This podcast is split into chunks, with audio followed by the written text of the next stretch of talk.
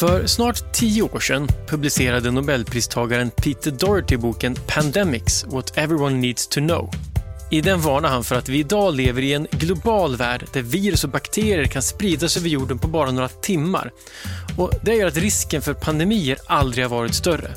Men han skrev också att vetenskapen har gett oss nya möjligheter att möta en pandemi och de här möjligheterna är bättre än någonsin också.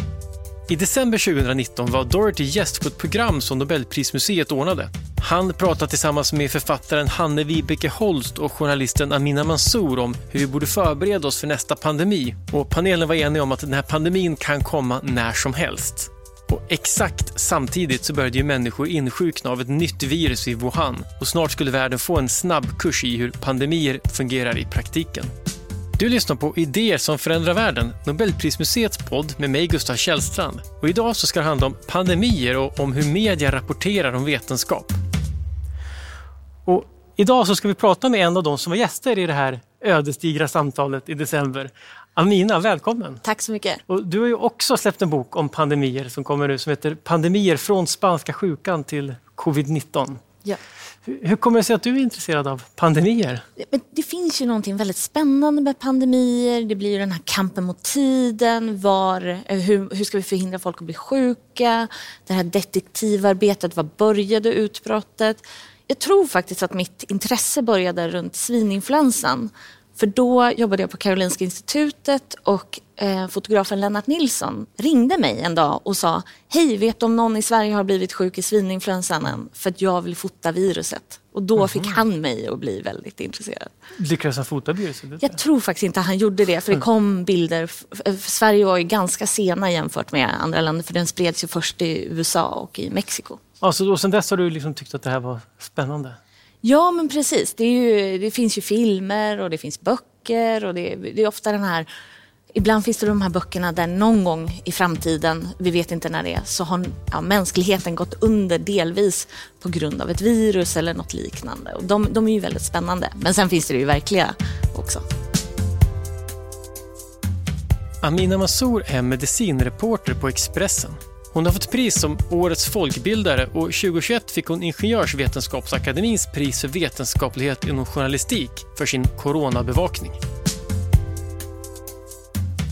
Det här med att mänskligheten skulle gå under av ett virus eller en pandemi, hur stor är den sannolikheten? Jag skulle säga inte särskilt stor för att ju mer dödligt ett virus är desto mindre kommer det ju kunna spridas. Och det är ju liksom för att antingen för att du blir så pass sjuk och då kan du inte smitta så många människor så ur ett virus synpunkt så vill man ju gärna att det ska vara lite lagom smittsamt, och, eller ganska smittsamt men också att du inte blir jättesjuk. Och på det sättet är väl egentligen covid-19 eller sars-cov-2 viruset då ganska optimalt för att somliga blir ju inte särskilt sjuka. Så att den värsta undergången, men däremot kan det uppenbarligen ett virus påverka samhället väldigt mycket. Är det, jag antar att det också är det fascinerande att läsa om det också? Ja, och att man ser liksom den nya samhällsformationen efteråt men kanske också att, eh, på, på, det sättet hur vi människor interagerar, om man är rädd eller att man stigmatiserar. Och, det är en väldigt intressant, det mm. mänskliga också. Jag tänker på din, din bok börjar ju också, det handlar ganska mycket om, om förstås om covid-19, vi kommer till det också, men jag tänkte om man tittar på de här tidigare pandemier, så du börjar med spanska sjukan. Den var väl ändå, man pratar om den ändå som den värsta, en av de värsta pandemierna som har varit ja, mycket mindre kanske än pesten som där det var 30 procent eller 40 procent av befolkningen som dog. Men, men spanska sjukan var väldigt kännbar. Ja, alltså, och det är ju antagligen för att den spred sig så pass mycket över jorden. Alltså för dödligheten var 2-3 procent om man ser det till. Men ändå så dog det någonstans kanske runt 50 miljoner människor. Vilket var fler än som dog i första världskriget. Så till sig så var ju alla blev påverkade. Så att, men det är också att det var den första influensan i modern tid om man säger så. Det finns, det är klart att pesten var ju jobbig men kanske kom och gick på det här sättet och många dog men man var van vid att många dog. Här var det ju helt plötsligt också unga som dog. Unga ska ju generellt sett klara en influensa eller en ja, infektionssjukdom bättre än äldre. Och just influensa, för jag tänker när vi, vi hade det samtalet som du var med med Peter Doherty, så, då var det ju, och, och Hanne Vibeke Holst som har skrivit en bok som heter Som pesten, som just handlar om en influensa. Det var ju som influensa det som alla väntade, det var det som alla trodde skulle komma. Ja, men det är ju för att, alltså, i alla fall i modern tid, om man säger från 1900-talet framåt, så är våra stora pandemier, det är ju influensavirus. Och det är ju influensavirus, det, det sprids lätt, det sprids bland oss. Ehm, ibland kan det spridas utan att folk vet om att de är sjuka.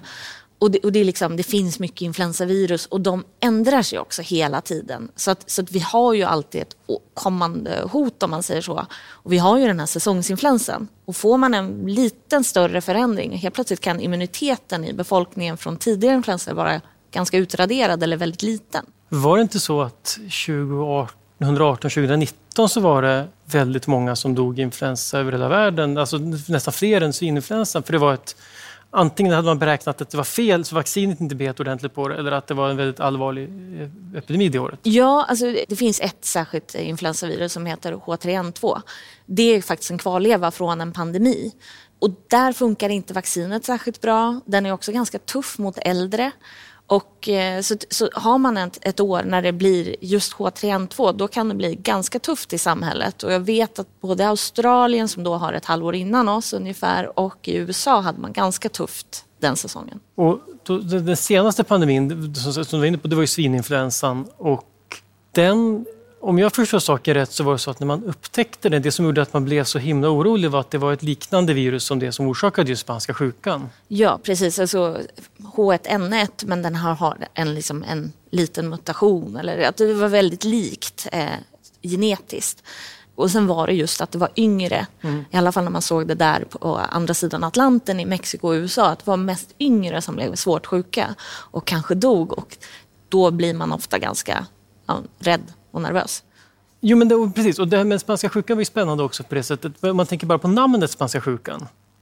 För den är inte spansk, sjukan. Nej, eh, exakt var den börjar vet man inte riktigt. Men den var troligtvis, i Kansas var det där den, den började sprida sig i alla fall på, eh, militär, i militärläger. Och så följde den med över till Europa eh, när amerikanska soldater deltog i första världskriget. Men om den började, det vet man inte riktigt.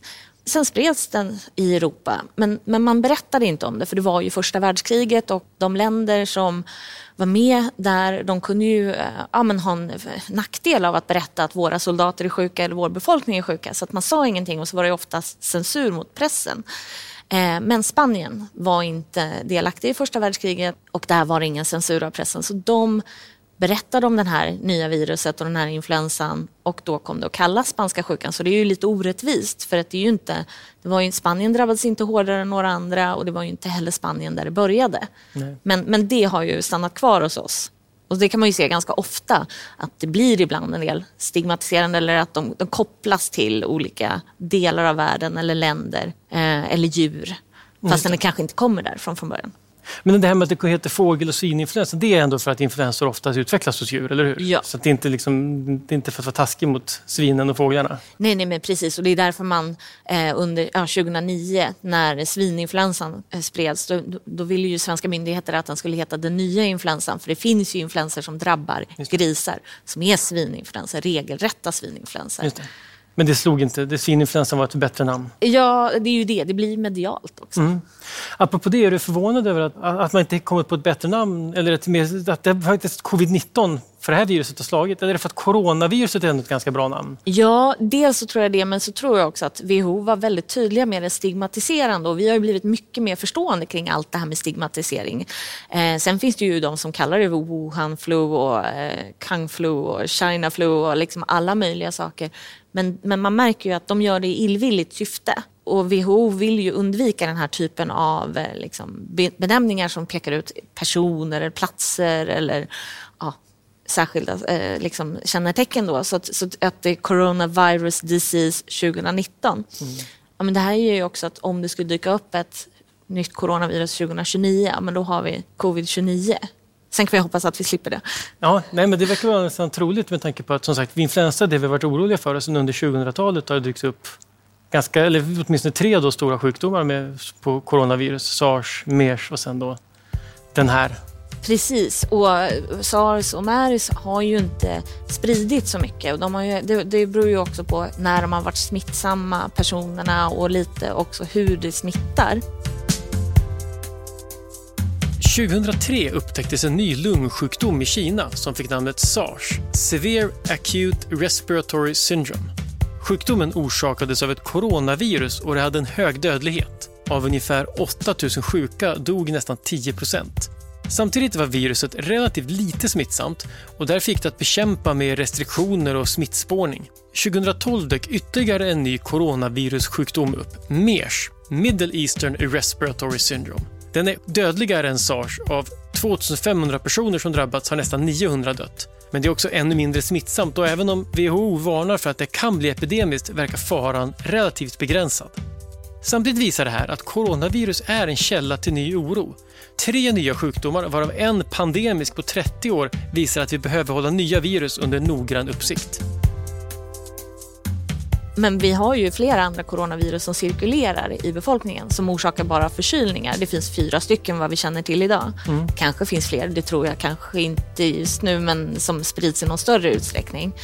Men, men man tror ju att de fyra coronavirusen orsakade pandemier när de först började spridas i befolkningen. Men, men då är det pandemier som vi inte märkte i så fall? Eller, eller så är det... Eller så länge sedan? Så länge sedan. Det finns en eh, ryska snuvan som var 1889 mm. eh, som eh, man tror kanske var ett coronavirus. Men det, några säger att det också var ett influensavirus. det där, vi har ju inga virus därifrån. Så jag skulle säga där är man inte överens om det. Nej.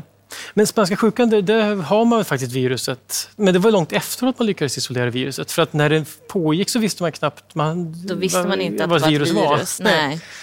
Det fanns de som till och med trodde att det var pesten som kom tillbaka. Så det, kunde, det kunde inte vara influensa för det var för våldsamt. Så man visste faktiskt inte vad det var för någonting.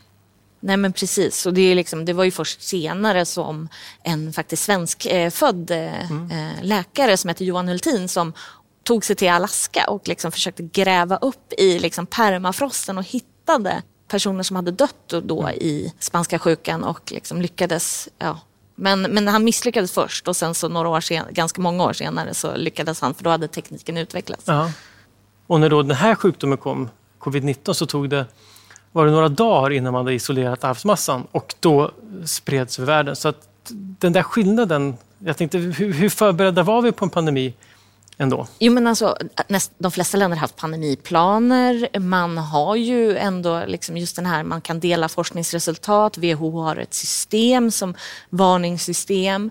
Det dyker ju upp nya virus ibland. Så, att, så att, jo, jag skulle säga att jo, förberedda har man ju varit, men jag tror inte man var förberedda på alla aspekter av den här pandemin. Så att, eh, så att, men, men mycket mer förberedda jämfört med 20, eller 1918 såklart. Men, men du som liksom har då under det här året, som, som jag sa, en sorts realtidskurs i hur det går till att forska på en pandemi. Alltså man får följa det verkligen om man börjar på den ändan, det är väl ganska fantastiskt vilken, vilken liksom omställning. Det är inte så att forskare har varit nödbedda att ställa om att börja forska om covid-19 och, och, det har ju gått otroligt. Ja, nej, men alltså det är ju fantastiskt. Alltså, de har verkligen steppat upp forskarvärlden. De har ju dels utvecklat vaccin som är liksom otroligt effektiva. Men också att man har liksom testat massa läkemedel som man har haft. Man har försökt utveckla nya läkemedel. Man har tagit reda på så mycket som möjligt om Eh, hur smittar viruset? När smittar det? Vem, varför blir vissa sjuka och andra inte?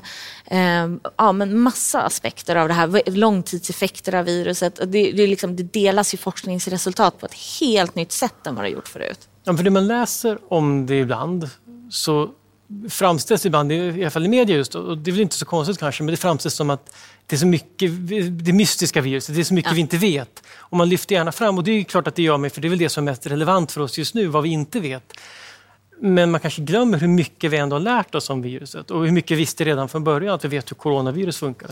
Ja men precis, alltså, hade man inte haft forskat på sars och mers då hade vi ju antagligen inte haft vaccin nu för att man kunde bygga vidare på den forskningen. Sen har ju coronavirus inte varit de mest intressanta att forska på generellt just för att de oftare bara orsakar förkylningar. Mm. Men här då, liksom, man kunde bygga på den forskningen och, och, man har ju också lärt sig otroligt mycket jämfört med vad man visste för ett år sedan bara. Så vet man ju hur mycket mer som helst och vi ser ju uh, massa saker. I början så visste man inte riktigt hur man skulle, så man liksom nästan bara kastade mediciner på dem ibland. Eh, I alla fall vad jag vet från Wuhan så gav man en del antibiotika, man gav en del antivirala läkemedel som sen kanske till och med, antibiotika är ju då inte verksamt mot virus, mm. men till och med en del antivirala läkemedel där som kanske troligtvis inte var nödvändiga.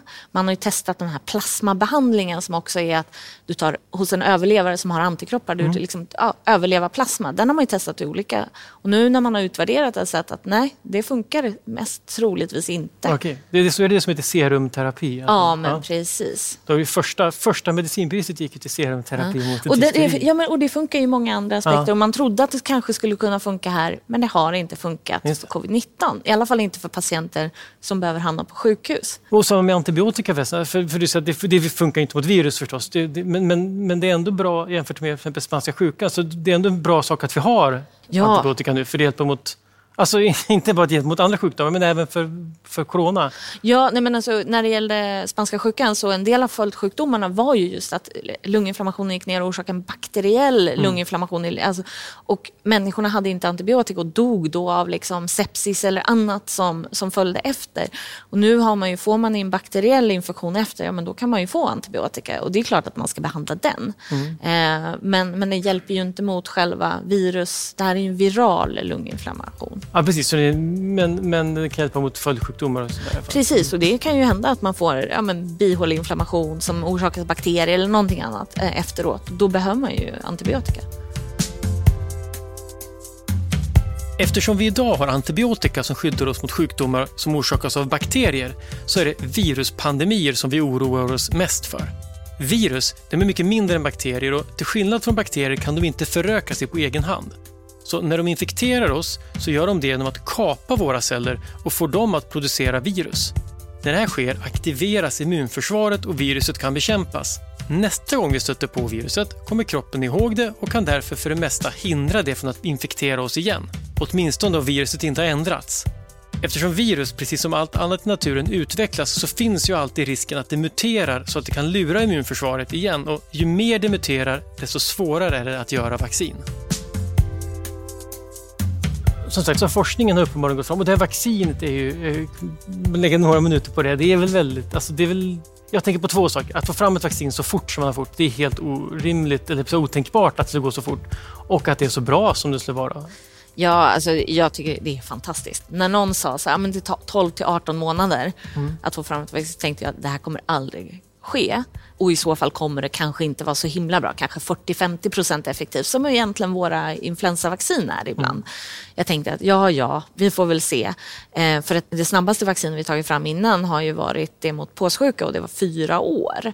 Eh, nu har man ju massa tekniker och man byggde på tidigare forskning och man kraftsamlade verkligen. Mm. Alltså det, är liksom, det är läkemedelsföretag, det är forskare, det är regeringar som har puttat in pengar. Det har liksom varit människor som har ställt upp och testat de här läkemedlen, eller vaccinerna. Så att alla har ju verkligen ställt upp. Mm. Eh, men det är ju otroligt snabbt ändå. Ja, men det brukar man säga om just att vi inte har vaccin mot sars och att det tog tid mot ebola. Just att man får snabba utbrott och de försvinner oftast ganska fort också. Alltså, för långsamt förstås, men fortare än att man ska hinna pröva ut ett vaccin. Precis, men, men det här eh, ebolautbrottet i Västafrika 2014, 2015, där fanns det ju ett vaccin som man hade försökt med i akademin ganska länge men mm. hade inga pengar till att ta det större. Och det, tog, det började användas efter ett tag mm. först. Och, så det hade kunnat gå snabbare även där. Men jag just. håller med om att det är just den här, det är svårt att testa vaccin i verkligheten om det funkar. Mm. Om det verkligen skyddar. Ja, men så, så, så, så, forskningen har ju verkligen på det sättet eh, levererat. Men det har också varit, jag tänker på det här med eh, forskningen. Samtidigt så ett, en bieffekt av det som du nämner i din bok också, det är att, att det har gått ganska fort. Och när det gäller sånt där, alltså tester på människor så måste det ta den tid det tar. Men när det gäller andra saker så har man skarvat så tillvida att man, det här, att man publicerar resultat väldigt fort innan de är granskade ordentligt. Och för andra forskare är inte det ett problem därför att de kan hantera, de kan bedöma den informationen. Men för oss andra så är det väldigt svårt att veta vilken var den, hur, hur har det påverkat? Jag skulle säga, det, WHO brukar ju varna för en infodemi. Mm. Att eh, liksom det, är en, det är en massa rykten och information och desinformation och myter och allting sprids virvar i, eh, parallellt med, med hur viruset eller sjukdomen sprids. Och den här infodemin, alltså det har ju varit jättemycket information, det har gjorts jättemånga studier, mer än 100 000. Och alla har inte publicerats men de läggs ut som preprint då, som det heter, mm. här, här, som ett utkast av en forskningsrapport. Eh, det är jättebra för andra forskare för de kan förstå det men media kanske inte alltid förstår och kan tolka och allmänheten, alla kommer åt det. Så det, det, är väldigt ofiltrerat. Och det är ju inte säkert att de här resultaten kommer hålla eller ens publiceras för de kanske inte ens håller måttet. Så det blir ju ett problem det är jättebra att forskare kan dela resultat, men, men det är inte helt okomplicerat. Och det förvirrar kanske lite där.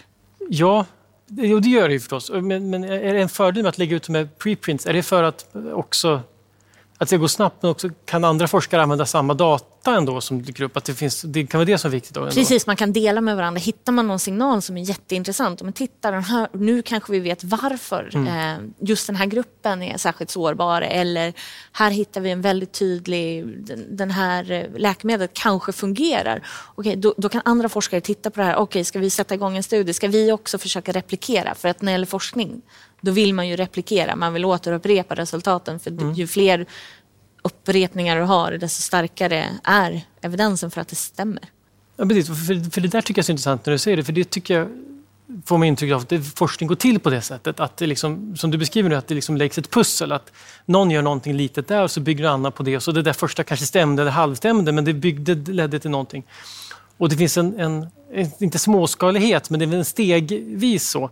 Medan kanske nyhetsrapportering om vetenskap vill man hellre ha stora genombrott. Man vill ha liksom magic bullet, man vill ha det här hände. Ja, och det är ju ett problem egentligen och det är därför nyhetsjournalistik och vetenskapsjournalistik är ganska olika. För vetenskapsjournalistik är ju mer att ju, ja, men på det här sättet som, så som ja, men vad tillför den här studien, vad visste vi sedan innan? Medan nyhetsjournalistik kanske är så här, åh den här studien avviker, den vill vi skriva om. Medan den kanske jag skulle välja bort eh, som vetenskapsjournalist. Så det, så det är ju ett problem. Men det här är ju också det här föränderliga kunskapsläget och det har vi ju alla sett växa i mm. realtid nu det senaste året. Ja, precis. Det är det, där, så, så, det är det som skiljer med en nyhetsjournalist och en vetenskapsjournalist. Att det här hund bet man och man bet hund. Att hund bet man, det är det som ni rapporterar om, men eh, man bet hund är det som nyheterna tycker är spännande. Ja, men, ja, men lite så faktiskt. Och där, där har ju liksom, vetenskapsjournalister har ju behövt ställa om för ofta gör man ju så att man skriver om publicerade och granskade resultat mm. och helt plötsligt så har man ju inte det för att man hamnar så mycket efter och då får man ju prata med fler forskare kring det eller försöka liksom lägga det här pusslet själv och se okay, men vad tillför den här studien. Mm. Men också att kanske samla kunskapen och inte bara gå på enskilda studier. Ja, men, och det, det, tycker jag är en väldigt intressant sak du är inne på, det här med att samla. För det är också det som din bok gör på ett väldigt bra sätt, tycker jag. Att den, liksom, att den handlar just om det, att samla ihop och ge perspektiv och kontext. För att det finns ju en hel del sådana här frågor i den här pandemin som blivit liksom kontroversiella även politiskt nästan, eller liksom, och till och med identitetspolitiskt om man har vet det, munskydd eller inte. Och att då få det liksom sammanvägt den här faktan på ett bra sätt är ju rätt skönt. Och i vanliga fall när man läser intervjuer med forskare så är det att de säger ja, det kan vara lite så, det kan vara, det kan vara å ena sidan och å andra sidan. Nu har det varit, uppfattar jag det som forskare som haft lättare att komma fram att vara mera peka med hela handen om man säger så. Jo, men, men det är ju att här, om man pekar med hela handen så kommer man ju fram lättare i media. Så det, det, blir ju också att forskare blir ju tränade på det sättet. Mm. Men jag skulle ju önska att forskare kanske är lite mer ja, men de här andra perspektiven finns också. Att man liksom förklarar just den här, men det hela kunskapsläget. Vad talar för och vad talar emot? Att man har mycket mer så. Och det försöker jag verkligen få fram i min bok. Just den här, ja, men, varför tycker de olika om saker? Ja, men de värderar den här studien och de tolkar den här studien på olika sätt. Och det tycker jag att är en viktig eh, sak att eh, hantera. Ja, men forskare kan ju värdera och se situationer olika, men, men då kanske de gör det inte utifrån att de är, tycker på det ena eller andra sättet om politiskt, om, om det nu är munskydd eller vad det kan vara. Utan då gör de det utifrån att man, man har läst olika studier eller att man värderar samma studie på olika sätt. Forskare tänker inte, allihop tänker inte likadant. Nej, och det är ju jättebra och det, är ju, det tror jag att man liksom behöver vara mer medveten om i allmänheten och journalister i sig behöver också vara medvetna om det att det en forskare säger är ju ibland också en tolkning. Mm. Uh, och ibland kan det ju finnas det här att ja, men den här forskaren, den här professorn sa det här, då måste det vara sanningen. Så är det ju inte. Utan det kanske är, ja, men det är utifrån den studien, men sen finns det de här studierna som talar emot det. Eller så, den här studien har inte tillräcklig styrka för det där. Och, ja, det finns massa saker som man behöver väga in. Precis, och det, och det är ju i, I svenska debatten har vi ganska mycket ställt eh, då ett antal forskare, till exempel, det mest kända exemplet, ett antal forskare mot en myndighet. Mm. Eh, är det liksom jämförbara storheter? Nej, det tycker jag inte egentligen. Men, men oavsett hur man ställer dem så måste man fråga, okay, vad har de för belägg för sin, vad de påstår eller vad de tycker? Att man liksom försöker gå till botten till det, inte bara hur många de är eller liksom att de är emot varandra utan att man diskuterar, okay, men vad, vad har de för belägg, vad säger studierna? Att be dem om hjälp och fråga dem, så här, mm. ja, men hur vet du det här, var, varför påstår du det, vad har du för belägg för dina eh, åsikter mm. eller synpunkter. Ja, för men, det kan vara olika, och även om man pratar med politiker, det kan vara en annan, eh, att, att, som forskare kan man ju förstås säga att utifrån min kunskap så givet de här åtgärderna skulle stoppa en smitta, men Sen får, kan ju faktiskt myndigheten ha ett annat uppdrag. Eller att, det är klart att vill stoppa den också, men man värderar på, men för de måste värdera kostnaderna för de här åtgärderna på ett annat sätt. Ja, precis. Och det är ju det som jag tror att det har varit lite svårt för många att förstå. Att alla åtgärder egentligen har någon slags kostnad. Någon nytta och någon kostnad och då ska de vägas mot varandra. Och då finns ju det ett helt perspektiv som jag skulle säga myndigheterna har. Som är ju liksom, ja, men de ska ju värdera, liksom, kanske, ja, men om vi pratar om Folkhälsomyndigheten då, till exempel med folkhälsa, men då är det ju liksom, det är så mycket mer än bara avsaknad av en sjukdom. Mm. Samhället måste vara igång, det finns andra saker som folk blir sjuka i. Okej, vågar de söka vård? Kan de söka vård? Men också att vi har lagar, vi har politik, vi har kultur, vi har hur vi brukar hantera saker, mm. etik, moral. Alla de sakerna behöver vägas in. Och om det är möjligt. Tycker du att, att, att eh, den sidan har rapporterats tillräckligt mycket om eller på ett tillräckligt nyanserat sätt? Det, man säger så här, det är en sak att säga att försiktighetsprincipen ska gälla när det gäller sjukdomen. Det tror jag många kan ställa upp på. Att vi vet inte riktigt vad det är, då är det bättre att vara försiktiga. Men den försiktighetsprincipen har man då kanske åsidosatt när det gäller åtgärderna. Det vill säga att det är ganska, till exempel stänga skolor, det gjorde ju inte vi i Sverige, men det är en ganska stor sak som man nästan i alla fall vill undvika.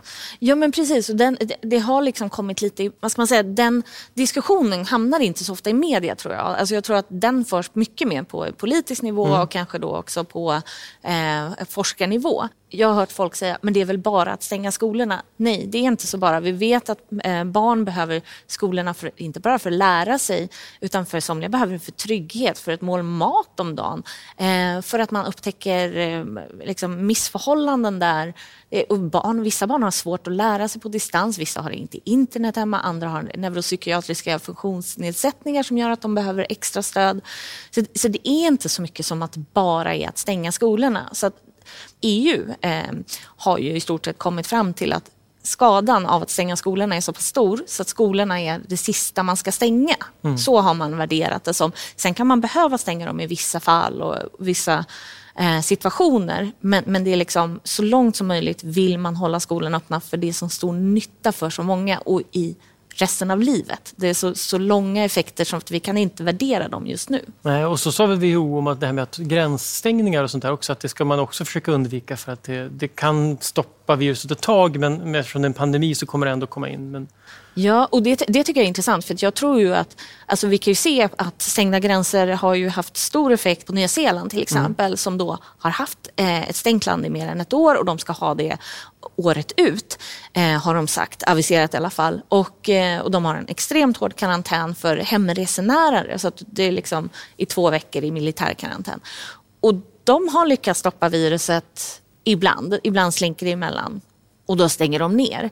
Eh, men det blir ju otroliga kostnader. Eh, och skulle alla länder göra så, så, så blir det någonting annat och då kanske länder inte heller vill berätta om att de har ett virusutbrott för att då blir det, finns det en risk att man inte vill ha, handla med dem eller man inte tar emot eh, turism. Eller, ja, det finns massa saker. Så, så, så, det är ju också den saken att överväga. Men jag tror att vi just den här med stängda gränser kanske har fått en liten förändring genom, alltså under pandemin nu mm. eftersom man ändå har sett att det kan få effekt. Men, men det är också skillnad på Nya Zeeland som är en ö. Du kan stoppa mm. gränserna på ett helt annat sätt än vad man kan till exempel i Sverige. För du kan ta dig till Sverige med tåg, buss, lastbil, eh, flyg. Ja, det, det, du kan nog ta dig till fots eh, till Sverige också. Om det mm. har inte jag testat så jag vet inte. det går nog. Men de här olika strategierna, det nämner också att det skedde ett skifte, att, den var, att de flesta pandemiplaner som länder hade innan i förberedelserna gick ut på att just, när man pratar om platta till kurvan, att skade, någon sorts skademinimering. Mm. Och det byttes till att man helt enkelt skulle försöka stoppa sjukdomen helt. Och att det är en ganska stor förändring i synen på en sjukdom ändå? Ja, och jag, jag, tror att det var just för att det var ett coronavirus. Hade det varit influensa då tror jag faktiskt inte att man hade försökt på det här mm. sättet. Men det kan ju också vara att vi börjar få nolltolerans för vissa sjukdomar. Men det, men det kommer ett skifte där att i slutet av februari och början av mars så pratade alla om flatten the curve mm. eller platta ut kurvan. Det var överallt. Och sen helt plötsligt var det nästan bara Sverige som fortsatte prata om det. Mm. Men den finns i alla pandemiplaner nästan.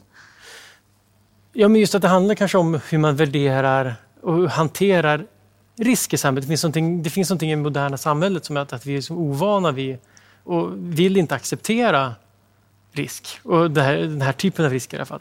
Nej, och, och jag tror att man, vissa risker, de är så, det här är en ny risk så mm. den är svår att värdera på det sättet. Eh, Medan vissa saker som egentligen är influensa, vi, vi är vana vid det, vi kan hantera vi accepterar ett visst antal dödsfall varje år. Men vi tänker inte på den, för den är, så, den är så förekommande i vårt... Ja, det, det, bara är så.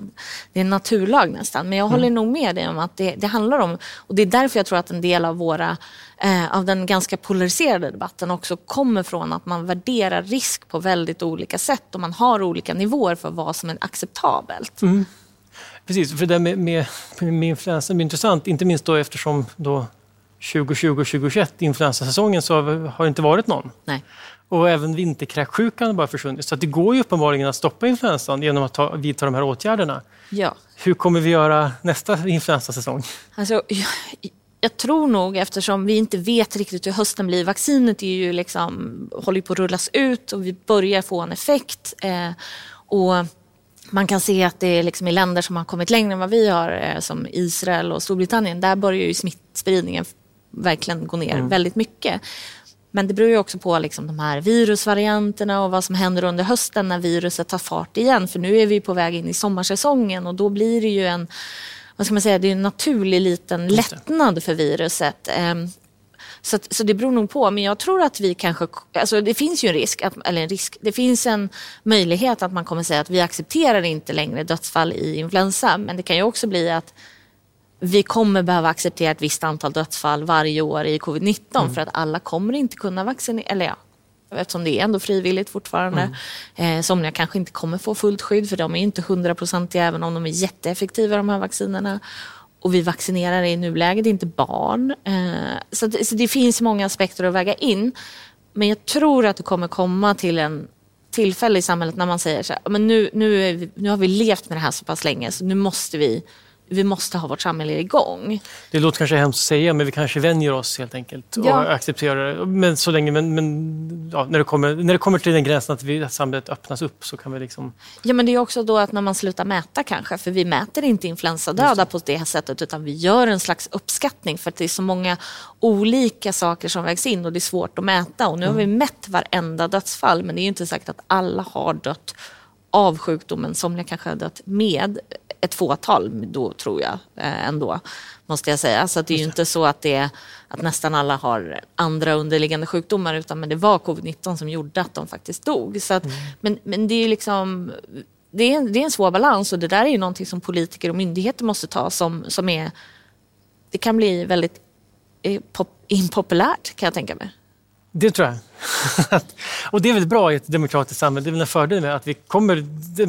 Så kan jag också tänka mig att debatten som var kring det här, den har varit oerhört polariserad för att det var ett vetenskapligt ämne förstås. Men det finns ju också något positivt att folk har pratat öppet om det och att man vrider och vänder. Men, men en sak som jag undrar om den är lika positiv det har att göra med det här att, att, att vetenskap kanske går långsamt eller stegvis och nyhetsrapportering kanske går fort. Men det är den här att vi utvärderar saker långt innan de är avslutade. Vi tillsatte en coronakommission under första vågen av någonting som blev tre vågor åtminstone. Ja. Alltså, hur klokt är det? det är en dum fråga kanske. Alltså, det, det, är ju jättesvårt att utvärdera någonting som fortfarande pågår. Eh, och det kan man ju säga egentligen att det vi såg under våren eh, 2020, den första vågen, eh, där drabbades ju Sverige väldigt hårt. Och så mm. kan man se under andra vågen 2020, eh, somliga länder som klarade sig väldigt lindrigt knappade igen och gick om. Eh, det finns massa artiklar om varför Portugal från våren 2020, varför Portugal var eh, ett föregångsland. För titta, de klarade sig mycket bättre jämfört med Spanien. Och senhösten 2020 så fick de en jättespridning och jättekatastrofalt läge på sjukhusen och väldigt många dog. Mm. Så det är jättesvårt det där och det är också väldigt lätt att säga, ja men nu vet vi det här, så varför gjorde man inte så då? Men då var ju kunskapsläget ett annat. Så, att, så jag skulle säga att vi behöver nog alla vara lite ödmjuka där och säga att vi vet inte riktigt allt än och det är inte alltid vi kan se effekterna av åtgärderna på en gång. Nu kanske det börjar bli möjligt att utvärdera för nu börjar vi ju ta oss ur pandemin. Men vi kan ju också se utifrån hur det, så här, att man har jämfört dödsfall. Och sen om man tittar på eh, de här lite bättre måtten som är överdödlighet som går att jämföra. då är Sverige in, eh, mycket högre än våra grannländer, det måste jag ändå säga. Men, men vi ligger inte jättehögt i Europa. Vi vet inte exakt var det nya coronaviruset kom ifrån. Det kan ha varit fladdermöss eller något annat, men att det utvecklats hos något djur, det är de flesta överens om. Om inte annat så kommer de flesta nya sjukdomar från djurvärlden. Det kallas för zoonoser. När det gäller influensa så är det fåglar och grisar man ska vara uppmärksam på. Många fågelinfluensor är ofarliga för människor, men en del kan drabba oss och då är de väldigt dödliga.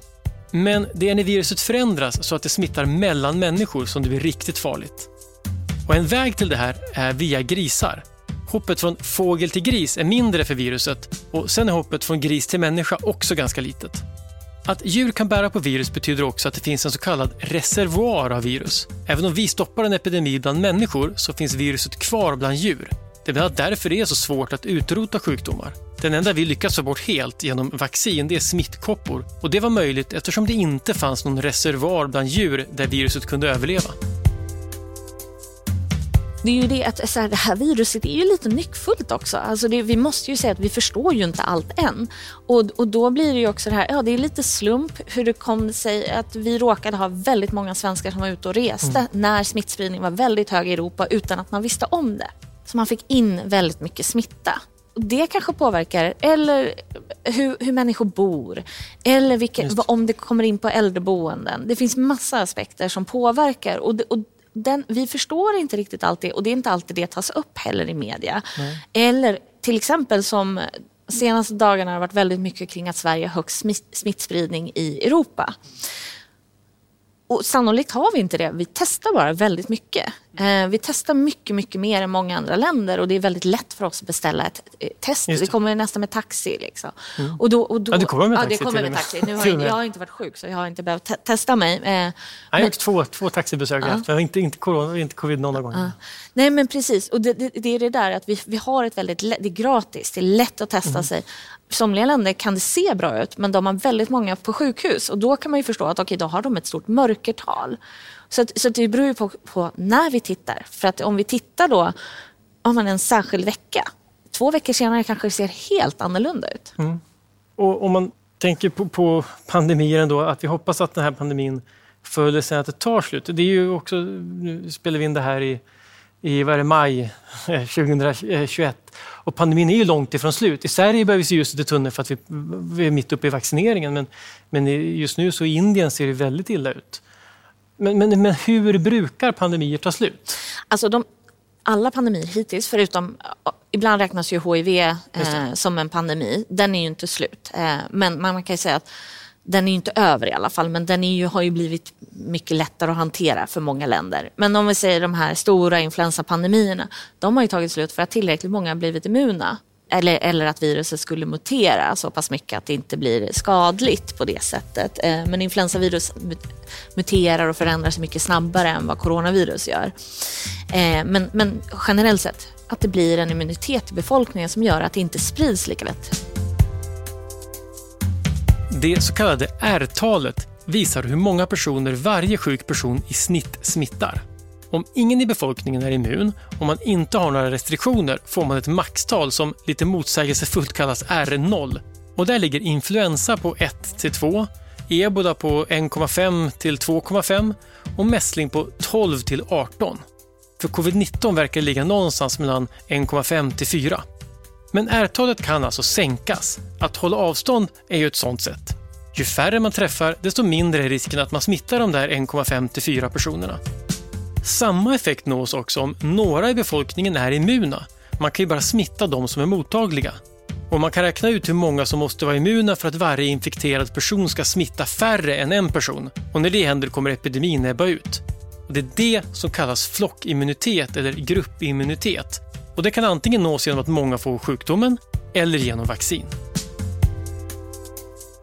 Det har ju också blivit ett väldigt polariserat begrepp men det är ju ett faktum att förr eller senare kommer vi nå flockimmunitet men vi vill gärna nå dit med vaccin. Mm. Särskilt för sårbara grupper. Kan vi vaccinera så många som möjligt skyndar vi på den här processen. Och det är det som jag skulle säga att det har ju hänt nu i Israel och Storbritannien att man börjar nå ganska höga nivåer av immunitet. Och ju mer immunitet det finns i befolkningen desto svårare är det för viruset att spridas. Så det är ju inte så att det först när du når en viss gräns, om det, det försvinner inte efter det och det är inte så att det sprids lika snabbt ända fram tills det, utan ju mer immunitet desto svårare blir det för viruset att spridas. Ja, och det där måste jag säga, det där är ju en väldigt bra sak tycker jag med att läsa din bok och överhuvudtaget under det här året att ta del av din rapportering och andra vetenskapsjournalister som har skrivit bra om det här. Det är att få den här perspektiven på att ett ord som flockimmunitet som blivit så laddat faktiskt är liksom i sig en ganska vanligt förekommande term. För det, som du säger, det är det som krävs för att en pandemi ska ta slut. Det, det är slutpunkten, det är en konsekvens av en pandemi. Det, är inte bara, det behöver inte vara en strategi. Sen kan man ha en strategi som går ut på att nå den så fort som möjligt eller att man ska Precis. Jag, jag, tror faktiskt inte det finns några länder som har haft en strategi att nå så fort som Nej. möjligt. Men, men precis som du säger, det är en konsekvens. Det är inte en strategi. Nej. Som, som avslutande fråga, vad tycker du är det är en stor avslutande fråga. men men eh, liksom, vad, vad, vad, tror du att vi har lärt oss av den här pandemin? Vad, vad, tänker, vad tycker du att du har lärt dig utifrån ditt pandemiintresse? Alltså, jag har ju lärt mig att här, världen kan gå ihop och kraftsamla kring ämnen. Jag skulle säga att det här med vaccinerna, att vi har, det har utvecklats vacciner på så kort tid, det, det är ju lovande för många andra sjukdomar. För tekniken är ju väldigt briljant, eh, mRNA tekniken. Så, så, så, den hoppas jag att man kommer fortsätta med. Men sen så kan jag säga att jag tror att vi alla har lärt oss någonting om att det behövs beredskap på så många delar av samhället och vi måste också prata om de här ojämlika hälsoskillnaderna eller skillnaden i samhället. Att det är väldigt lätt för mig att om någon säger att ja, vi ska stanna hemma, det är lätt för mig att stanna hemma. För jag bor ganska stort, jag kan beställa hem mat, jag jobbar hemifrån. Men det finns människor som jobbar på plats, som kanske måste åka och ta hand om andra människor. Och det är de som kommer bli smittade som ser till att samhället kommer igång. Vi måste skydda alla. Mm. Men, men också med en beredskap så, så har man skyddsutrustning som kanske inte kommer att användas. Man har kanske ett litet lager av, liksom, det finns en kapacitet i vården som gör att vårdpersonalen inte liksom är totalt slutarbetad. Och den behöver finnas och den, det är ju någonting politiskt också men det är ganska svårt att få folk att betala för det här förebyggande. Mm. Eh, och på samma sätt just att man kan förebygga det här med ja, men, vad ska man säga, men den här ojämlikheten i samhället, den kan ju förebyggas, men det kostar. Ja, så det, det tangerar ju stora politiska frågor, minst sagt. Men det där är intressant, för det handlar om att skydda varandra. För på ett sätt har de som stannar hemma skyddar de som går till jobbet. Men de som går till jobbet skyddar också de som stannar hemma. Så att, alltså, ja. alltså, de, som, de som kan köra hem din mat skyddar ju dig för att slippa gå och köpa maten själv. ja, och de ser till att samhället funkar. De, ja. de, de, tar hand om barnen eller de äh, ser till att äldre få vård på äldreboenden. Eller så ser de till att vi har internet och el hemma och kan handla mat på nätet. Så vi lever inte i en bubbla. Vi, vi måste liksom ta hand om varandra om man mm. säger så. Och allra sista frågan, om du får rekommendera, du sa att du gillar, är intresserad av pandemi och gillar pandemifilmer. Om du får rekommendera en pandemifilm, vilken ska man se? Alltså jag tycker att Contagion är den bästa. Den är dels väldigt vetenskaplig, de har ju haft vetenskapliga konsulter, men den är också spännande, den är välspelad, det är många kändisar med eh, om man gillar den. Men den är också, förutom att viruset är otroligt dödligt där, så är den väldigt, ja, men man förstår en massa saker. Man, de, de förklarar en del aspekter som eh, R-tal, som vi har pratat om ganska mycket nu, men också hur forskning går till kring ett vaccin. Mm. Eh, ja. Men också patient zero, var kom utbrottet ifrån? Just det. Ja, det finns mycket, apropå nu både R-tal och patient zero, som vi inte varit inne på. Vi har inte heller pratat så mycket om de globala konsekvenserna. Men, det finns mycket, men om man är intresserad av att veta mer om det, läs Aminas bok. För det är verkligen det är jättemycket perspektiv och man skulle kunna tro att man är trött på att läsa om pandemier efter det här året, men, men jag känner tvärtom att det här var ett väldigt välgörande sätt att få liksom ett bra perspektiv på både vad vi vet och vad vi inte vet och, och också tankar inför framtiden. Tack så mycket för att du var här. Kom hit och berättade, Amina. Tack så jättemycket. Idéer som förändrar världen är slut för den här gången. Den här podden görs av Nobelprismuseet vi finns på Stortorget i Gamla stan. Information om museets utställningar och öppettider finns på museets hemsida nobelprismuseum.se. Du kan förstås också följa oss på Facebook och Instagram. Och vill du veta mer om Nobelpristagarna och deras arbete så gå gärna till Nobelprisets hemsida nobelprice.org. Och ett stort tack till Nibe Group, EF Education First, Knut och Alice Wallenbergs stiftelse och familjen Erling Perssons stiftelse som möjliggör Nobelprismuseets verksamhet. Idéer som förändrar världen görs i samarbete med produktionsbolaget Filt. Producent är Andreas Wiklund och jag heter Gustav Källstrand. Vi är snart tillbaka med nya intressanta samtal.